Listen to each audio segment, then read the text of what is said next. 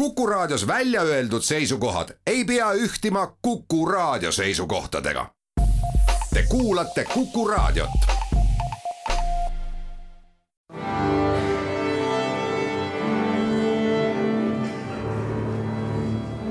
daamid ja härrad, Eesti Kontserdi saade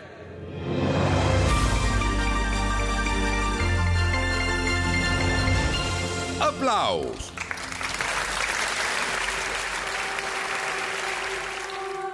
Tere kõigile, uudiseid Eesti Kontserdilt. olen Lauri Aav ja vaatame koos, mis järgneva kahe nädala jooksul on ees ootamas ja eelkõige räägime muidugi selle nädala suurest kontserdist. Ellerhein ja Vox Clamantis tähistavad ühiselt oma juubeleid. Ellerhein seitsekümmend ja Vox Clamantis kakskümmend viis. palju õnne neile mõlemile ühise sünnipäevakontserdi seob tervikuks Tõnu Kõrvitsa mitmeosaline just selleks kontserdiks loodud uudisteos, mille osade vahel esitavad koorid neid endid eriliselt kõnetavaid teoseid läbi aegade põnev on seegi, et esinejad on paigutatud nii lavale, saali kui ka kontserdisaali fuajeedesse ja et osalisi ehk siis juubilare on kaks, rääkisin teisipäeval mõlema osapoolega. Ellerhein, dirigent Ingrid Kõrvits, kellelt küsisin alustuseks sellise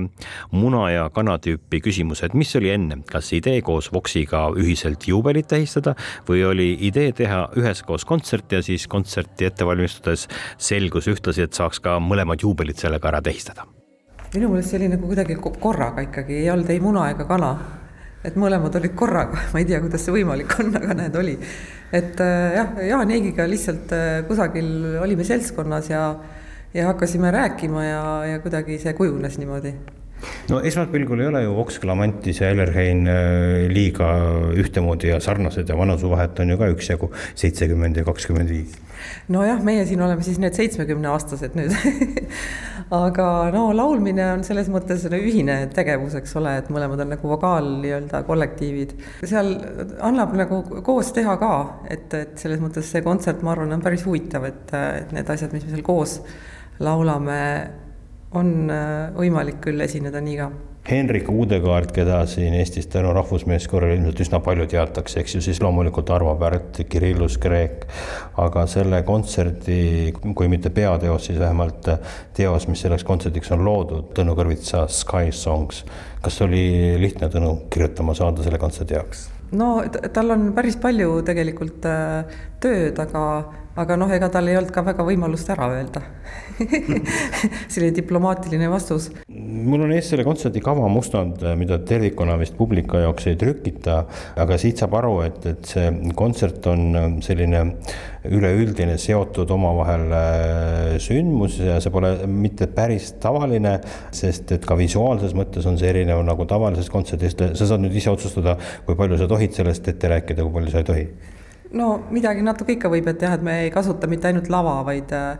vaid ka natukene muid siis saali ja kontserdimaja kohti, et jah, mitte ainult laval me ei esine, vaid natukene niimoodi ruumilisem on see esitus Teil on Jaanikiga natukene erinev saatus selles mõttes, et kui tema lõi Vox Clamantise kakskümmend viis aastat tagasi, siis eh, sinu kanda on Ellerheina seitsmekümneaastane pärand, nii Eino Kaljuste pärand kui ka su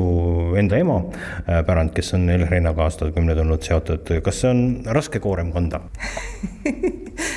no ma ütleks niimoodi, et äh, tegelikult ma olen osa sellest pärandist olnud nagu algusest sündist saati enam-vähem, alguses nagu emaga kaasas ja juba kolmandast klassist alates ma laulsin seal ja kohe pärast seda, kui ma lõpetasin laulmise, ma läksin sinna nagu abidirigendiks ka tööle, nii et ma olen sellega tegelikult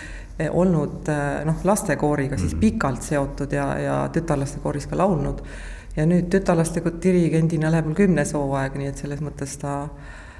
ma olen tegelikult jah, kuidagi nagu kogu aeg seotud olnud, et ta ei ole nagu läinud väga kaugelt ja lähenenud sellele, sellele äh, koorile, vaid, vaid kogu aeg nagu seal juures olnud.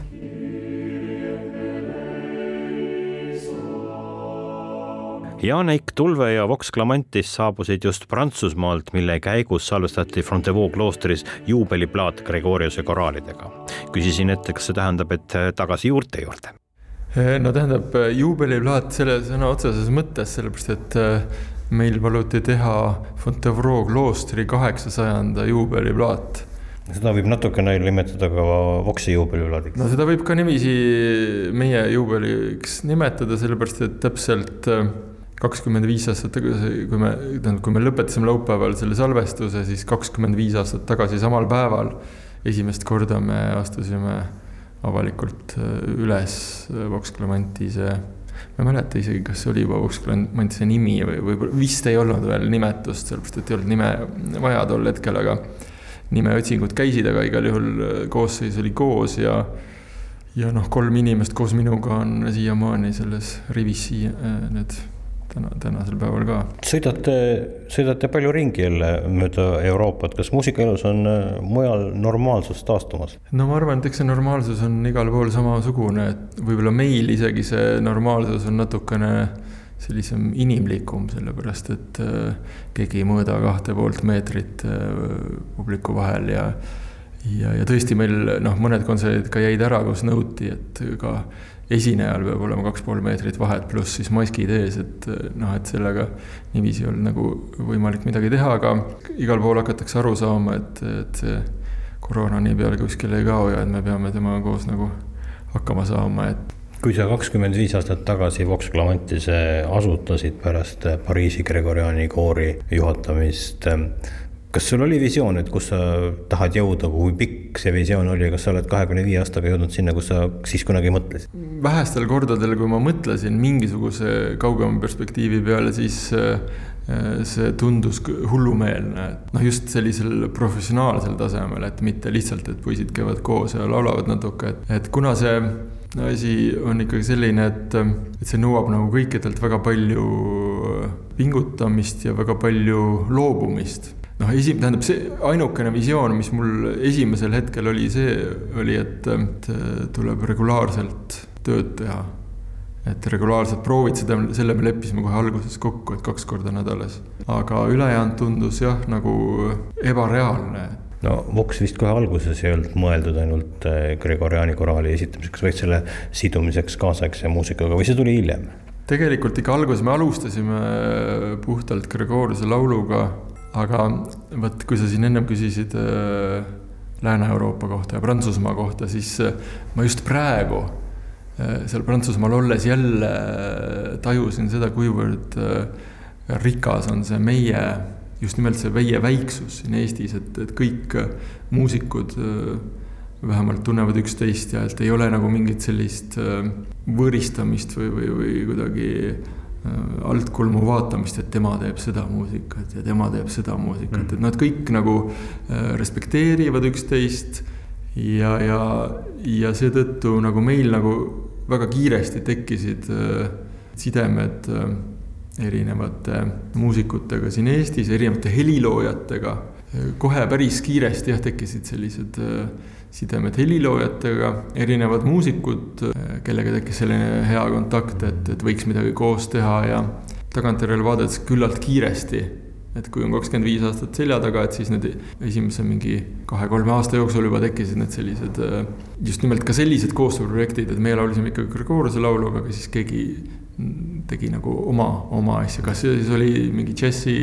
džässmuusikud, Weekend Cutter trio või, või siis midagi? no juubelikontserdid äh, tulevad koos Eller Heinaga, Ingrid rääkis just hetk tagasi oma versiooni sellest, kuidas see kontsert oli tekkinud, te olite seltskonnas rääkima sattunud, et mõlemal tulevad kooridel juubelid ja miks mitte seda koos tähistada? jah, see tõsi ta oli, et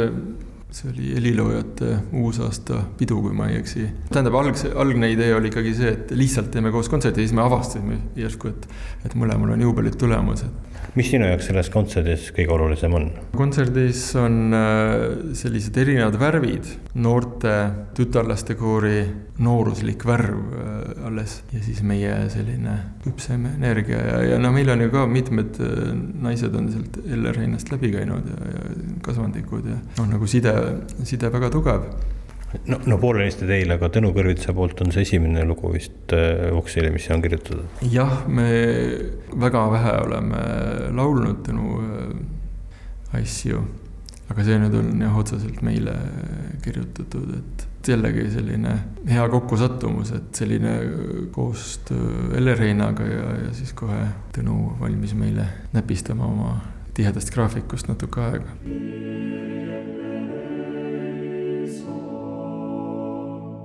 Vox Clamantis ja Ellerhein ühistel juubelikontsertidel. no ja üks neist kontsertidest oli muidugi ära juba eile Pärnu kontserdimajas, kus oli ühtlasi Pärnu kontserdimaja sünnipäevakontsert, aga Tallinnas on juubelikontserte oodata pühapäeval kell kuus õhtul Estonia kontserdisaalis pühapäev on Estonia kontserdisaalis üldse päris tihe päev, sest et päeval kell kaksteist on laval Curly Strings, kes on valmis saanud äh, uue lastealbumi. tegelikult nad said selle albumi valmis juba mai lõpus, aga nagu ikka praegu kontserdimaastikul kipuvad asjad lükkuma ja hea meel, et nad nüüd väga kaugesse tulevikku ei lükkunud ja plaadiesitluskontserdid on nüüd käes. Curly Strings ja sõbrad ja plaadi nimi ongi Lastele. erikülalisi on palju, Ivo Linna, Robert Linna, Mari Jürjens, Lenna Kuurma, Evert and the True Dragons, Liisi Koikson, Jalmar Vabarna, Adele Jaago, Marge Niller ja Tartu Laulupesa laululapsed. ja kontserte on lisaks pühapäevasele veelgi ees ootamas teisipäeval Pärnu kontserdimajas, kolmapäeval Jõhvi kontserdimajas ja järgmisel neljapäeval Vanemuise kontserdimajas. Ja muidugi ei saa mainimata jätta kogu selle sügishooaja tõelist suursündmust, mis leidab aset Estonia kontserdisaalis nädala pärast, kolmapäeval, kaheksandal detsembril. Deutsche Kammerphilharmonie Bremen ja dirigent Paavo Järvi kauaoodatud kontsert, mis sai kokku lepitud, kui Paavo Järvi käis siin külas oma teise orkestriga ehk siis jaapanlaste NHK sümfooniaorkestriga ja see kõik oli juba kahe tuhande kahekümnenda aasta veebruaris. ja nüüd siis jääb loota veel ainult kolmanda orkestri ehk siis Zürichi Donhalle orkestri külaskäiku kunagi tulevikus. aga Deutsche Kammerphilharmonie Bremen on nädala pärast kolmapäeval Estonia kontserdisaalis ja kavas on neil Beethoveni viiulikontsert, kus on solistiks Vilde Frank Norrast ja Haydni üheksakümne viies sümfoonia meie teiega kohtume siin kahe nädala pärast ja räägime, mis veel detsembris on ees ootamas. kõike paremat.